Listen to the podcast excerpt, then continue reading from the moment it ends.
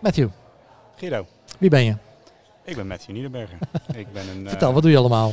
eh, eigenlijk alleen maar tech management. Ik probeer mij eh, dagelijks leven bezig te houden met het verbeteren, implementeren en eh, effectief neerzetten van tech management implementaties. En eh, hoe breed hebben we het dan? Hebben we het dan over Google Tag Manager of eh, qua Nou, tooling? Ik denk dat het per land verschillend is.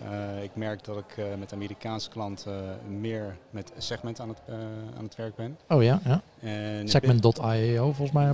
.com hebben ze, .com? Oh, ja. ze kunnen bemachtigen.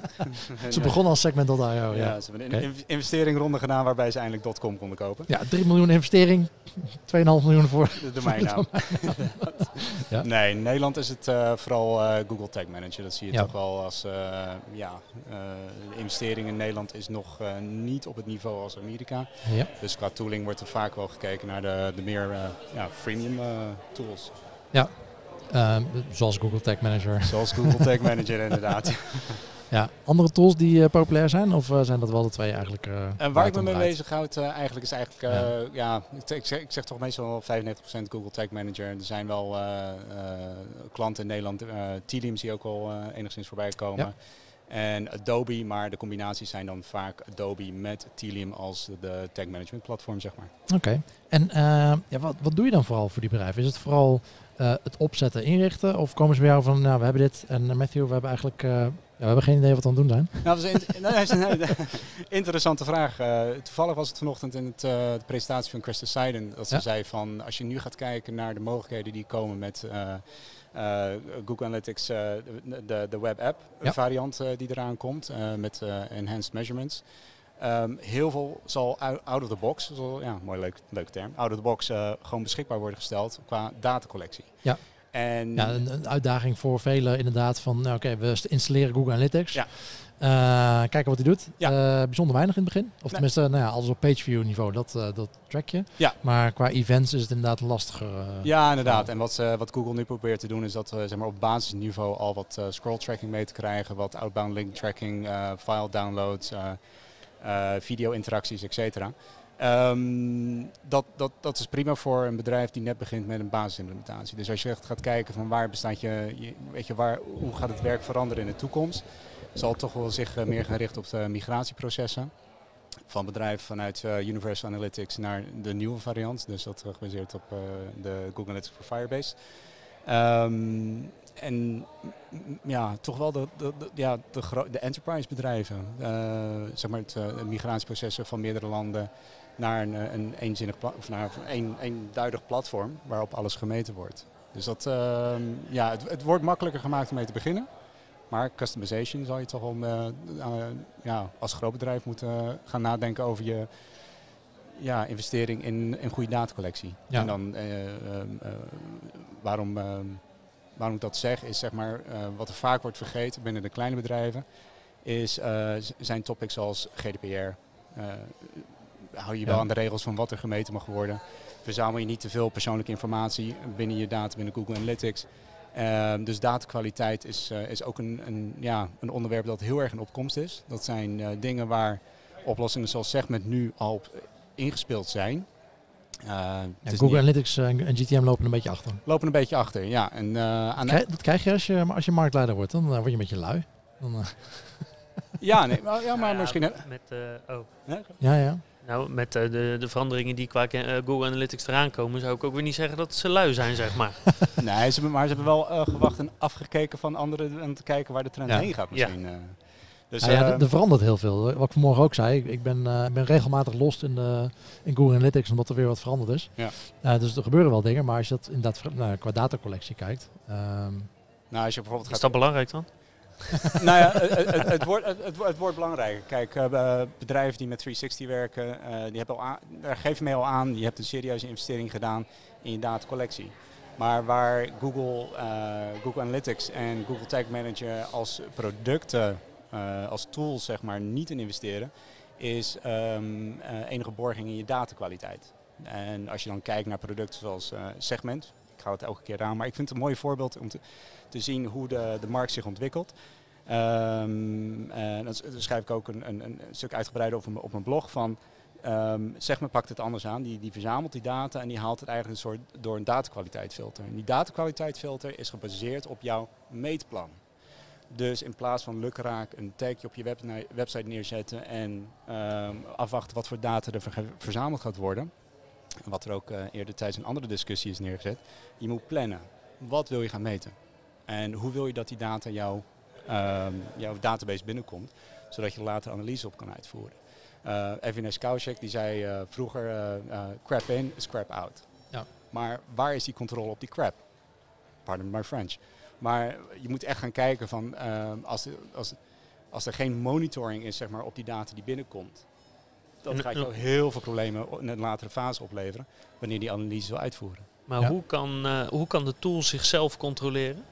Uh, nou, om even een voorbeeld te geven um, uh, hoe de, zeg men dat doet.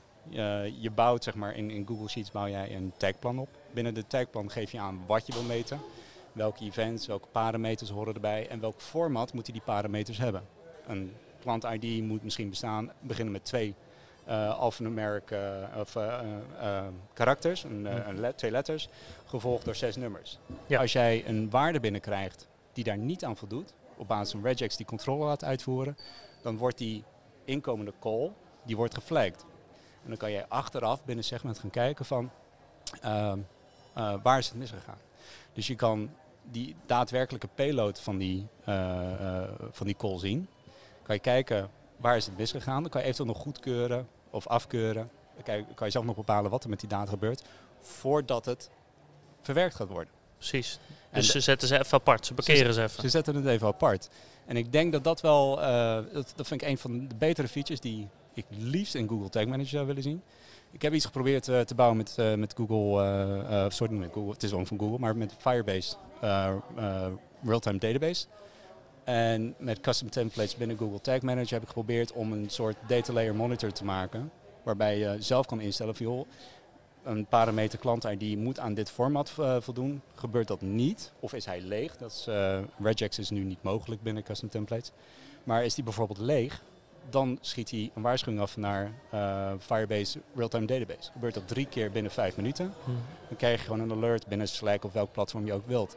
Je moet proactief bezig zijn met die datakwaliteit. Want in, zelfs bij een, een recent project is er pas na twee weken achtergekomen toen iemand bezig was met de analyse van die data, dat bijvoorbeeld de klant-ID ontbrak. Voor een periode van twee weken. Ja, voor een groot, uh, ja. ja. voor een groot nationaal of Nederlands uh, e-commerce website is dat gewoon uh, maar, ja, en dan, dan. Is het, ja, op zijn minst onwenselijk. Minst, ja. En de vraag is dan, zit daar ook een bepaalde vorm van machine, machine learning in? Dus uh, klant-ID's die niet kloppen, Um, worden apart gezet. Uh, die verbeter je vervolgens. En dat het te detecteren is dat elke keer als het begint met een B, dan is het toch wel goed. Want weet ik veel, om wat voor reden ook is dat een apart klant-ID. Uh, machine learning durf ik niet direct te zeggen. Ik denk dat hier gewoon uh, een, een, een, ja, een makkelijke functionaliteit binnen Google Tag Manager te bouwen zou zijn. Los van een, hack met, met Firebase erbij.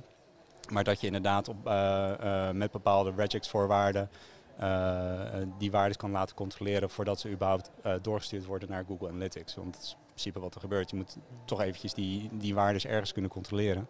Uh, voordat je de data, ja, je data vervuild gaat worden. Nee, maar ik bedoel vooral dat als je die vervuiling eruit hebt gehaald ja? en je corrigeert die vervolgens handmatig, dat dat, dat onthouden wordt, zodat je uh, steeds minder hoeft te corrigeren. Ja, ik snap het. Ja, dat, dat, ja, maar zou je dat wel willen? Zou je het niet bij de bron willen aanpakken eerder? Maar dat kan natuurlijk heel veel handwerk zijn dan. Ja. En dat is precies niet de bedoeling. Nee, maar dan, dan ja. dan bel je Matthew.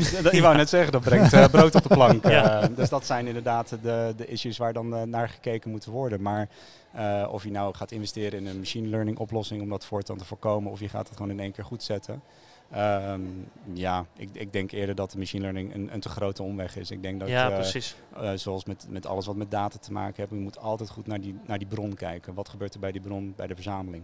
Dus je zegt meer uh, op het moment dat je, nou, laten we zeggen, vijf keer een B tegenkomt in je klant-ID wat niet mag, dan moet je gewoon je validatie op je formulier aan gaan passen of, of iets in die zin gaan doen ten ja. opzichte van, maar die fout blijven afvangen. Ja, is in feite ja inderdaad, ja. ja.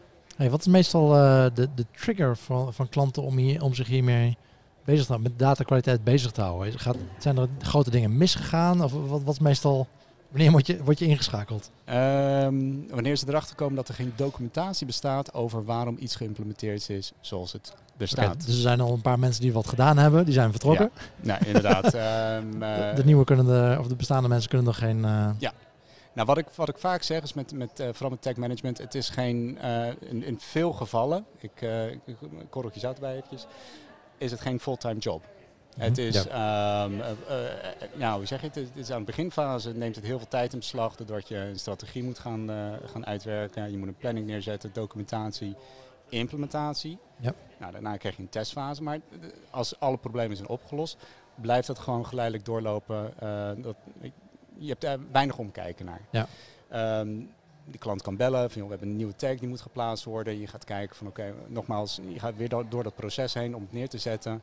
En dan, ehm, eh, dan komt de data op een gegeven moment wel vanzelf binnen. Ehm, dus ja, wat, wat moet ik even een beetje neerdenken van... eh, Eigenlijk ben je een soort detective dan. Ja, het is, het is, het is vreselijk veel debuggen. Het is vreselijk veel debuggen. En Ja. eh, waar het dan uiteindelijk op neerkomt is ehm, eh, eh, dat de data wat binnenkomt, dat er uiteindelijk een keer naar gekeken wordt. En in sommige gevallen echt naar, na een jaar. En dat ze denken, jongen, er- er klopt hier iets niet. Waarom zitten, deze waarden tussen? De, de aantallen kloppen niet met een ander systeem waar we ook bepaalde conversies of events in meten. Ehm, en dan moet er toch eventjes een, een, een oplossing voor komen van waarom is dat zo gebeurd en hoe kunnen we dit in de toekomst voorkomen? Absoluut, ja, een hele goede vraag. eh. Ja, ja en ik, ik kom het zelf vaak tegen dat ik, eh nou, dan kom je voor conversieoptimalisatie, zeg maar. Ja. Ehm, hopelijk niet alleen maar om een AB-test te draaien, maar hopelijk iets breder, zeg maar, Ja, om inzicht, te- inzicht te genereren in ieder geval. En daar dan hopelijk eh, op acties te ondernemen. Ja, eh, meestal de eerste drie maanden hou je daar helemaal niet mee bezig. Dan ben je bezig om, Ja. om die data op orde te krijgen. Van ja, ehm, leuk, om, leuk om inzichten te, te vergaren, maar jullie meten niet wat jullie denken dat jullie meten. Of jullie Nee. meten überhaupt niet wat, je, wat, je, wat ik nodig heb. Ja, maar dat, en wat je, wat je, precies wat je beschrijft is ook een probleem waar veel grote bedrijven nu tegenaan lopen. Is dat eh, de, de, de, de, de, de- ja, de analisten komen binnen, eh, maar die zijn 80% of 90% van hun tijd bezig met het opschonen van data. Ja. En dat komt weer terug naar het originele probleem van joh, je moet het bij de bron goed aanpakken. Zorg dat daar die data goed verzameld wordt, dat het gevalideerd wordt wat er gemeten wordt. En bij fouten dat je meteen erin kan springen. Dus daarom denk ik nog steeds, weet je, je, je moet er vroeg bij zijn Ja. als, het, eh, als het misgaat. En een groot, eh, eh, nog een tweede punt waar ik me ineens aan dacht van wa- waar het vaak misloopt is, vooral bij de grote bedrijven, de internationale bedrijven, is hoe ze data verzamelen. Ehm, veelal zijn de websites in lokale talen vertaald. Ja. SEO-technisch is er natuurlijk gewoon een, een groot voordeel voor, eh, voor het bedrijf zelf. Maar als jij al die data in een lokale taal gaat verzamelen, productnamen, productmaten, productkleuren, eh, eh, specifieke pagina's, hoe ga je die data allemaal met elkaar aggregeren? Ja. Dus ook daar moet er dan vaak een oplossing voor gemaakt worden van, op het gebied ja, van Ja. datacollectie. Dit, dit doet me denken aan, eh, ben je bekend met Glue? Glue.io, dat is een eh, Nee, e-commerce tool. altijd leuk om iets nieuws te Ja, leren. nee, eh, het, is een, het is een Amerikaanse tool. Ik heb ze laatst ook voor een podcast geïnterviewd. Oké. Ehm, eh, en wij gebruiken het ook bij, of zijn het gaan gebruiken bij, bij Vimo. ja? Eh, wat, wat zij claimen te doen. Eh, ze verzamelen data van, van vele verschillende bronnen. Ze zijn wel gespecialiseerd in e-commerce. Dus eh, ze hebben wat koppelingen met onder andere Magento. Maar ook met Shopify volgens mij. En, en nog, een, nog een hele host aan WooCommerce. Ja. Een hele host aan, eh, e-commerce platforms. Ehm, maar ook aan je e-mail marketing, CRM, eh, je AdWords data volgens mij ook. En zij, zij claimen dat zij een, een, een ETL-proces hebben. Claimen Guido. Is Dat, eh, Ja, ja, ja, ja. Werkt het? Eh, dat willen we weten. nou ja, dat, dat, dat gaan we dus uitvinden. Oh, gaan. Eh, maar ETL, eh, extract, transform, Load. load, Yes. eh, processen hebben dat het allemaal gelijk trekt in. Ter, ik bedoel, het probleem is natuurlijk als je al die dingen gaat samenvoegen. Ja. Dat je denkt van oké, ja, maar dat is in verschillende tijdzones. Ehm, dat is in een andere valuta. eh, de definities zijn anders voor users of eh, dat soort ongein allemaal. En dat trekken zij allemaal recht. ja. En van al die verschillende systemen. En dan gaan daar, eh geef jouw inzichtrapporten dus. En ook lifetime value is een, is een leuke die ze hebben. Gespecialiseerd dus op, op e-commerce. Oké. Dus ik, ik vind het mega interessant Nou, als het werkt. Ja, nee, het, het klinkt als muziek in de oren. Het zou nog mooier zijn als je hun data weer kan importeren in Google Analytics om eh, daar op product ID bijvoorbeeld al Ze je halen wel data uit Google Analytics. Ik Ja. weet niet of je kan exporteren. Dat weet ik eigenlijk niet. Ehm, dat zou inderdaad wel, dat, dat, zou, dat zou inderdaad ook leuk zijn. We, we Ehm, hebben, we hebben natuurlijk nu een gast in het café. Zullen we even switchen naar Engels? Is dat... eh, let's let's switch to English. Yeah. English. Ja. I was Oh. gonna. It's okay. I was just gonna sit here and pretend that I understand what everything that you guys were how's, your, saying how's your Dutch? very well. Yeah. Non-existing. Yeah, not existing. Just as much. good as my Chinese. Uh, Paulette, um, uh, welcome. to Thank the you. cafe. Um, welcome to, to our cafe. we have a bar actually now. yeah, yeah. Um, yeah, could you introduce yourself? Uh, you just did a session, right? Uh, Yeah. Yeah, you already did your Uh, keynote. Yes, uh, Yes. I was right before lunch, so Yep. hopefully people didn't leave for food before I finished, so I guess Yeah. that was encouraging. um, my name is Perlette Miteva. I'm Senior Product Manager of Analytics at Autodesk. Welcome. I'm very happy to be here. I Yeah. found out about CRO Cafe today, so Yeah, Yeah. welcome. now I've subscribed on Spotify. On Spotify. All right. Oh, instead of uh, podcast addict or I did not find you guys on Podcast No. Addict. exactly, we have uh, there's a there's a gap apparently, and Yeah. uh, so we need to make sure that we're uh, also on pod- in the podcast United addict. States. And we, we talked a little bit this morning, and you were telling us about your new talk. How did it go? I think that it went very well. I uh, got some questions at the end, uh, so that's usually encouraging. Yeah. There were a couple of people that stopped by and Oh, thank, thanked me, so that is always good. All right. So, from my perspective, it was a success. okay, good. Let, let's talk about those questions uh, uh, in a minute. But first, uh, what was your session about? The, the title was "Analytics is a product. Let's treat it as such." yes, uh, very. Um, I, I feel that there's a there's a like a frustration underlying this.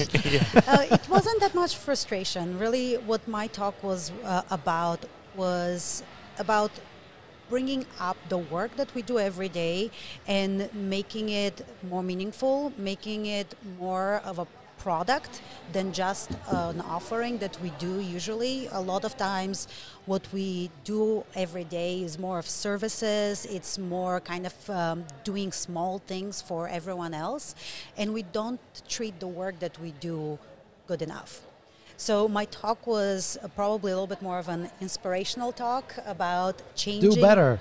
It's not about do better. It's more about changing the way you think about the work that you do. Changing your thinking from the fact that you're making a project, changing that into the fact that you're doing a product.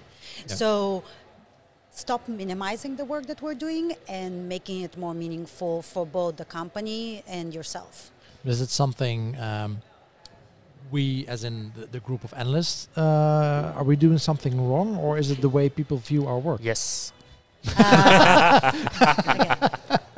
I, I think it's both, but where I think it starts is from us. And that was one of m- the points of my slides. It was that we actually minimize the work that we do.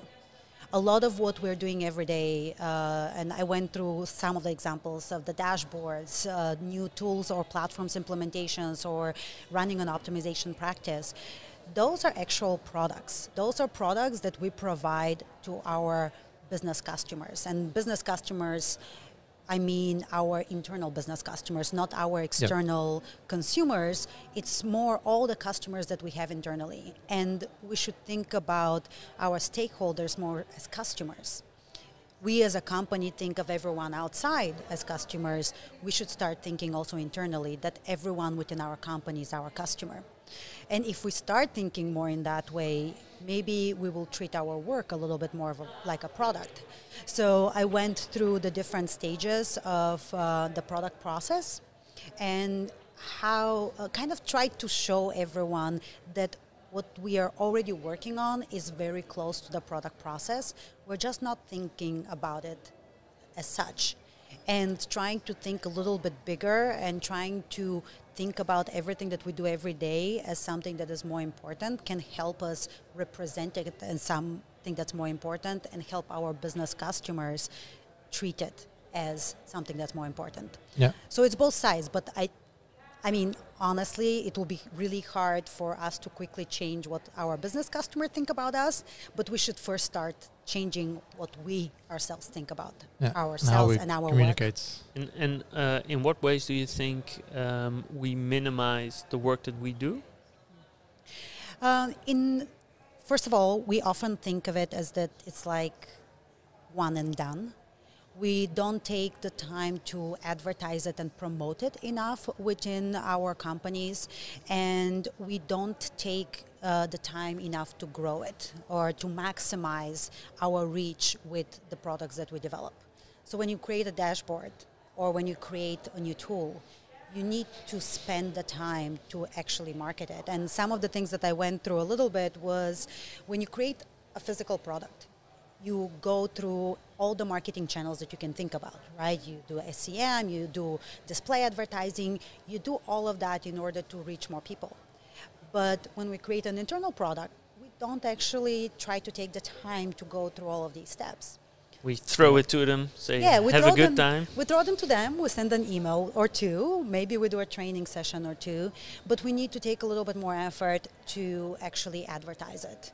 I had some examples like making posters, doing little social events like display cupcakes. advertising. Or, yes, the Yeah. display I advertising. think uh, at sticks uh, uh, I think at a company at the Netherlands in the Netherlands when mobile was uh, was up and coming, um, the lead CRO was dressed up as a mobile phone uh, for a week Mm. at the ESM. I, th- I think they did a few years Oh, ago. yeah, yeah? Just just to create yeah, just to For a create week? the awareness, Ah. something like that. Yeah, yeah. to create awareness and and have Yeah. people ask him, you know, what are you doing? Well, Yeah. uh, then you can explain it. Guinness Book of World Records uh, attempt on there. yeah, yeah, maybe. maybe. Longest time. Yeah, not not sure if that's a, that's a world record I would want to have, but yeah. Just to ask you a question, only three people raised their hands when you talked about planning. How is how does that differ in between different countries, different events where you ask the same question? what, what, what was the question? So Uh, Um, I asked how many people, uh, one of the stages of the product process is plan. So I asked how many people plan about the things that they develop. And yeah, there was, I was surprised. I think three. honestly they were not sure what I was talking about. uh, the question was how many of you plan uh, of how you're gonna make your product real? How are you gonna get that dashboard to be done? I frankly cannot accept that it only three people in the whole audience plan how to make things done. It's it's unrealistic. Every single person has that. Even let's say that it's a dashboard, something that you will create in couple of hours or a day. You still in your mind plan how you're gonna approach it. What are you go? What are the steps that you're gonna do in order to complete it? What are you gonna? What data are you gonna use? What visualizations are you gonna use? How you gonna lay it out? How you gonna actually then complete it? And how you gonna send an email and be, in a way, in a release phase?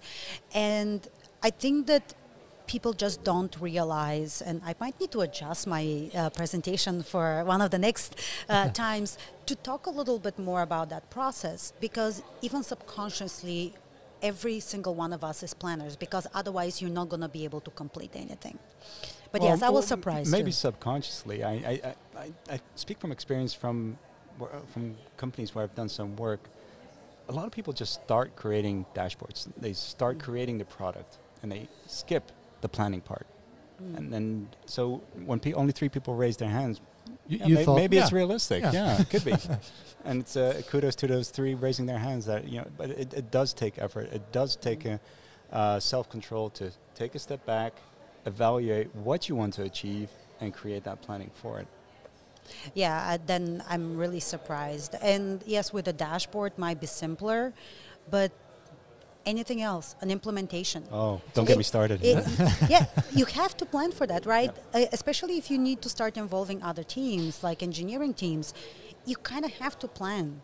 So I, I think that maybe people were confused. But there's also uh, there's there's a there's a danger in just creating dashboards for people if you don't really know what they're going to use it for, right? Uh, I've, I've if they're going to use it at all. well, if they yeah, understand sure. it. no, but I've, I've often given the example in the in the podcast that uh, I w- I once came at, came at a company and the and the re- I think I mentioned it today already, but the the report they had. Uh, the data they had, the e-commerce manager, the, what they saw on a daily basis was the number of orders that they got. Yeah. That's the only thing that they got. So they started just giving discounts to make those numbers go up.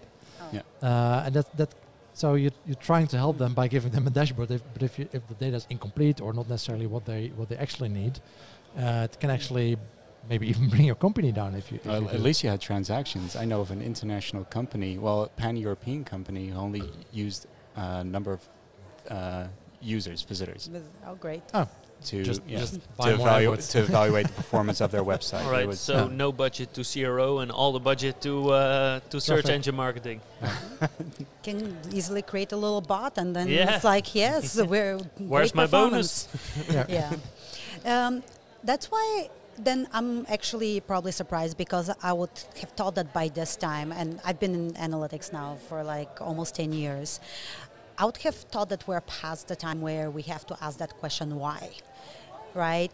Uh, and from my perspective, if you're an analyst, if you're a good analyst, if you're good with, at your job, you would be asking that question.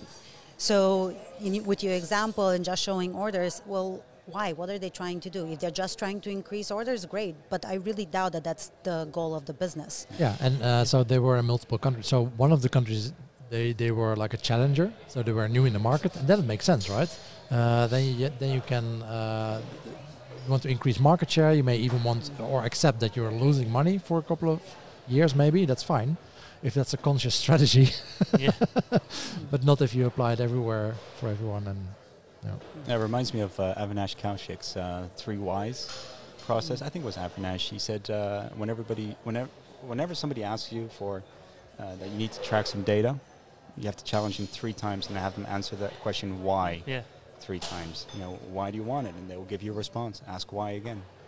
yeah, And try to drill down to the core issue that, or the, the, the core piece of information that they're after.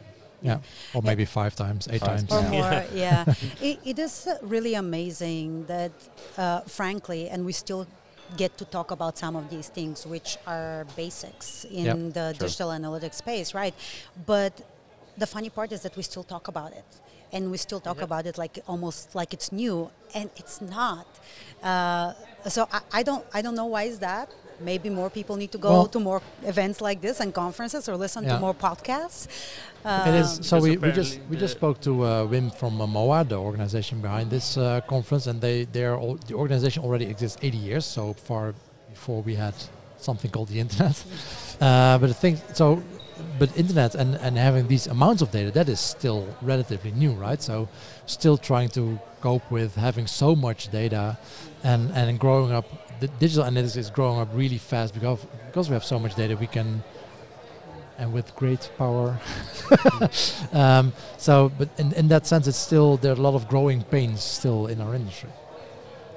Oh, I, I agree. It's just that I would have hoped that we go past the Yeah. basics, and and we start worrying a little bit more about. Okay, great, you wanted to show this one metric on your dashboard, but now, kind of, what is the next level Yeah. of data that you need in there to start making better business decisions? Yeah. What, What do you want to layer on? Well, Yeah. and, Yeah. and, and talking about that, how do you, uh, what's your opinion on how CRO has affected data collection uh, activities? I mean, I, I, I, from personal experience, I get the feeling that CRO is getting a lot more priority within companies um, than optimizing data collection. Um, it's closer to your P and L. I mean, Which know, is weird because because a lot of CRO is dependent on proper Yeah. data. yeah, Yeah, But- but but don't uh, a lot of people uh, see CRO mainly as uh, the color of the button and an A/B test? It's a lot more Isn't- isn't tangible that- for people. Isn't that yeah. the first step that people think about when they think about CRO, and then the CRO guy, the C- or girl, of course, Yeah. uh, has uh, has to tell them, uh, yeah, I, I want to do that, but you do realize that the data I need isn't But isn't good enough or isn't a lot of, a lot, I think A- Annemarie Klaassen spoke about it uh, this morning. I don't know if you visited her session, but she spoke about. We also didn't visit her session because we were here recording a podcast. But we, get a we, pass. sp- we, we spoke to her afterwards uh, about it, this being a big problem. That um, a lot of people in CRO also don't really uh, check uh, uh, if the data that they collect is actually what they assumed that they are collecting. So maybe there are a lot of uh, assumptions that we are all doing Yeah. um, that the data is correct or that we're even measuring what we are measuring or uh, a lot of people not doing um, uh, sample ratio mismatch uh, checks before they start Yeah. analyzing um, and um, and just hope or well assume hope uh, that it's correct and then either don't have the knowledge or yeah we don't have the budget for it anyway so let's not bother or Well, one thing I'll challenge though is being in a subscription based business, which more and more of the businesses are in that direction. It's great to get the initial conversion, but if you don't retain that customer, then it really doesn't matter. For for me, if you convert somebody and then they leave a month later, that is basically wasted money because often, depending on the cost of your product, that conversion might have cost you more than that monthly fee. So, as you get more and more, especially in the subscription based businesses, starting to think about the retention, the um, renewal that the customers are doing becomes more and more important because ultimately where you're going to be making the money is that when you get that customer and then you have to stop thinking about them you have to stop thinking about trying to onboard them you you have some process that gets them to stay you have a product that's good enough that gets them to stay so sometimes looking at that only initial conversion starts Yeah. to become obsolete Yeah. because it's not relevant for a lot of the companies. Granted, it completely be- is dependent on Yeah. your business, but that's why some of the basic metrics, yeah, it doesn't matter. The That, that's an interesting point rate. because I know from personal experiences, and, and that, you know, not a, not a com- on a company level, the, the there are a lot of Dutch companies, and I think it's um, looking at Guido and you, uh, Bart. Bart, uh, Yeah. the um, energy companies, they would offer premiums Yeah. for new customers. So you would get a huge discount, or you would get a tablet at the Yeah. time. Remember those tablets yeah, they were giving away? The same with uh, telecom uh, companies. Telecom Yeah. companies, yeah. But only for new customers, not for the peop- not for the customers who are loyal and willing to stay. And But- that's what so, always got so you're Also- highly incentivized Yeah. to switch every Yeah. year. Yeah. Still, But I think is. Still. it might also be, be driven by a data problem because a lot of the, like Google Analytics, good, yeah. you, you you're almost the, well the default setup at least, and uh, well you lose them, uh, you lose cookies. Uh, so the default setup is you you can track them until their first order, Yeah. and then yeah we don't know. But it's also with the telemarketing of most of those companies, everybody's rewarded for the first for a new sale. Yeah. Nobody's rewarded for retention. No, exactly. And that So why would your you care? problem about retention. Yeah. Well, I think that you can do retention multiple ways. Obviously, if you provide too much incentives for switch, then yes, Yeah. the customer can go and switch multiple times. Um, but at the same time, if you have a product that's good enough Yeah. that that customer doesn't want to switch, then it makes a difference. Okay, your electricity. Do you get electricity from one company or another? Probably doesn't really matter unless one of them has outages all the time then honestly, no matter what kind of incentives they might want to give you, you're probably not going to switch. So it's about making your product better as well. Well, here's an interesting one. You, you're from America. You know Amazon and Kindle, or no, sorry, Audible, the audiobooks. They have the most interesting model that I've ever seen. You, it's a uh, subscription-based model, and you pay a certain fee, and you get credits every month, bi-monthly, or maybe more than one a, a month, to purchase books. However, when you're a mem- subscribing member, the prices of the books are reduced by a certain percentage. And what I figured out, it's not rocket science, but the prices of the books actually are reduced to a point where they're cheaper than the credit you just purchased. yeah, the, the, the credits I think are around eleven dollars. Yeah, let's say 11.95, but then Yeah. you can buy the book for 9.95. So Yeah. what do you do? Do you spend your credit and lose two dollars? That, that's all. I, I'll always look at that. So I if, if the books are I like love the way more newer books, like over Yeah. twenty-five dollars, okay, I'll use credits for that. Are they cheaper than eleven? Exactly. I'll Yeah, yeah. And then they have the Whispersync. If you buy the if you buy the Kindle version, Yeah. it reduces the price to like 4.95. Oh, really? Yeah. It's and then I end up saving all my credits because I end up purchasing all. I'm paying money Yeah. for the for the better deals that I'm getting as a paid subscriber. So I don't I don't know what they're doing, but it's uh, it's a very interesting It's model. working. See, though, there's also not an alternative service that you can actually get. Yeah. So, In in, the a way, they there can do whatever but they want. Yeah. not as good as uh, not not, Yeah. not for English speaking people. So, uh, do you have any uh, tips or advice for, for ways to promote your analytics uh, inside the company As a product, as a product, obviously? Well, Except for wearing uh, a special suit. Yeah. Well, my point was that first we need to start thinking about the analytics as a product and present it as a product to our customers and consumers. A couple of the tips that I gave was a little bit more around the launch and how do you go and try to promote it. So Um, he was referring about my display advertising, which was making posters and putting them all around the company about that new product that you've developed, either dashboard or new platform that you're integrating. Um, doing a social event. Who doesn't like free food and free drinks? Cupcakes. I saw the I saw the slide. yes, cupcakes. Yes, I wasn't sure if they're popular here. either. Yeah. Yeah. Of course. So, yeah, they're still popular in the US. So, yeah, doing something where you can get people together to t- talk about the product that you've developed so they can be a little bit more percep- uh, receptive. And the other part was trying to kind of get your own influencers, own people that will do the reviews for the product that you've developed so they can spread the word for you. But it takes it takes some planning, it takes some time, and I will tell you we're not perfect on that because always there is something new that you need to develop. And you are always kind of in that rush of oh my god let's do new things let's do new th- let's do new things. And you really have to step back and allow more time for spreading the word and making things available. How do you filter out the opinion of the, the boss and the real Don't users? invite him. That's an option. are you are you meaning that the boss would not want you Uh, to do it No, no, no. You have your product, but Yeah. your boss might have an opinion about that product that he uh, that conflicts with what the actual end users um, have in terms of wishes or of improvements. The the hippo effect you're referring Yeah, to? I didn't want to use the word, but yeah, bingo.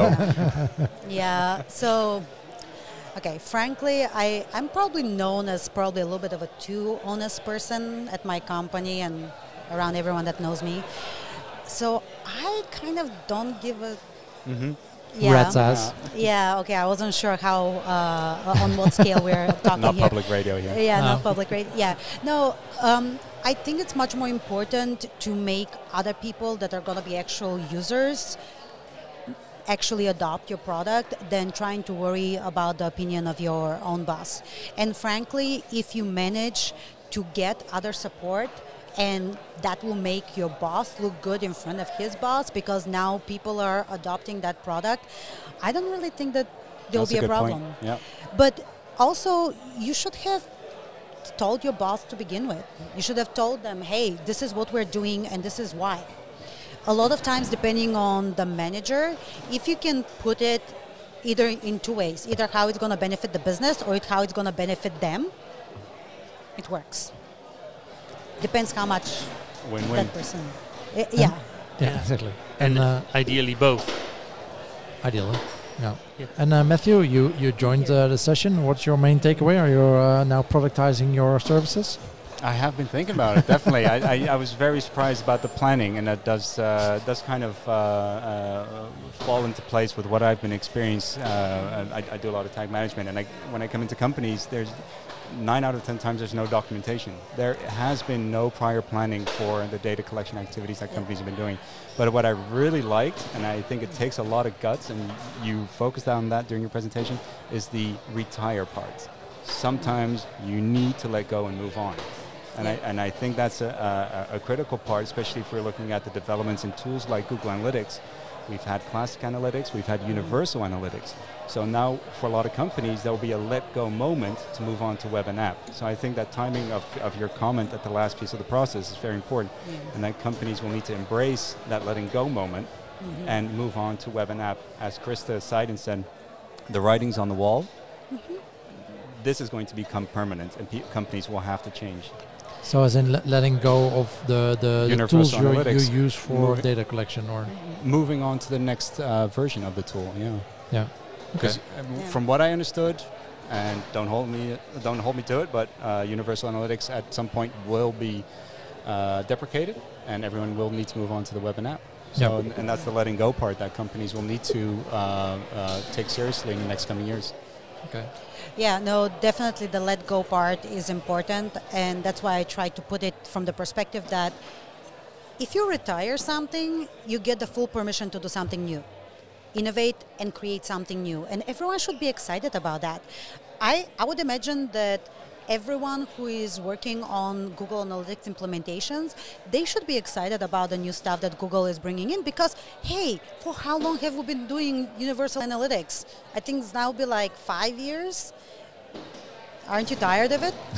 I think I'll I have, mean, I think I'll have a launch party. U- usually, uh, people are a lot more excited about new things than about uh, uh, optimizing the existing uh, There, there's, a, there's a funny anecdote. I, I, I think I just wrote a blog post about it because Google uh, uh, Tag Manager just turned seven years, and I'm often seen as the oddball at parties because I get I get very excited, enthusiastic about new releases in Google Tag Manager, but within my social group, nobody has Not a so clue. much. No, everybody looks like I'm speaking Klingon when I say, Yeah. "Hey, did you see the new custom templates in Google Tag Manager?" but we need to we need to you know uh, uh, start using those things and, and, and, and carry on with what we're doing and hopefully Yeah.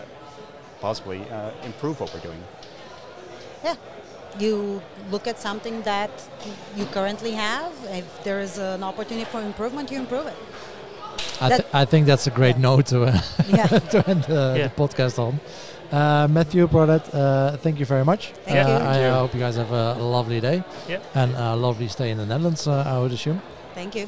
Um, and we'll uh, look for our next guest. yeah, thank you very much. Thank you.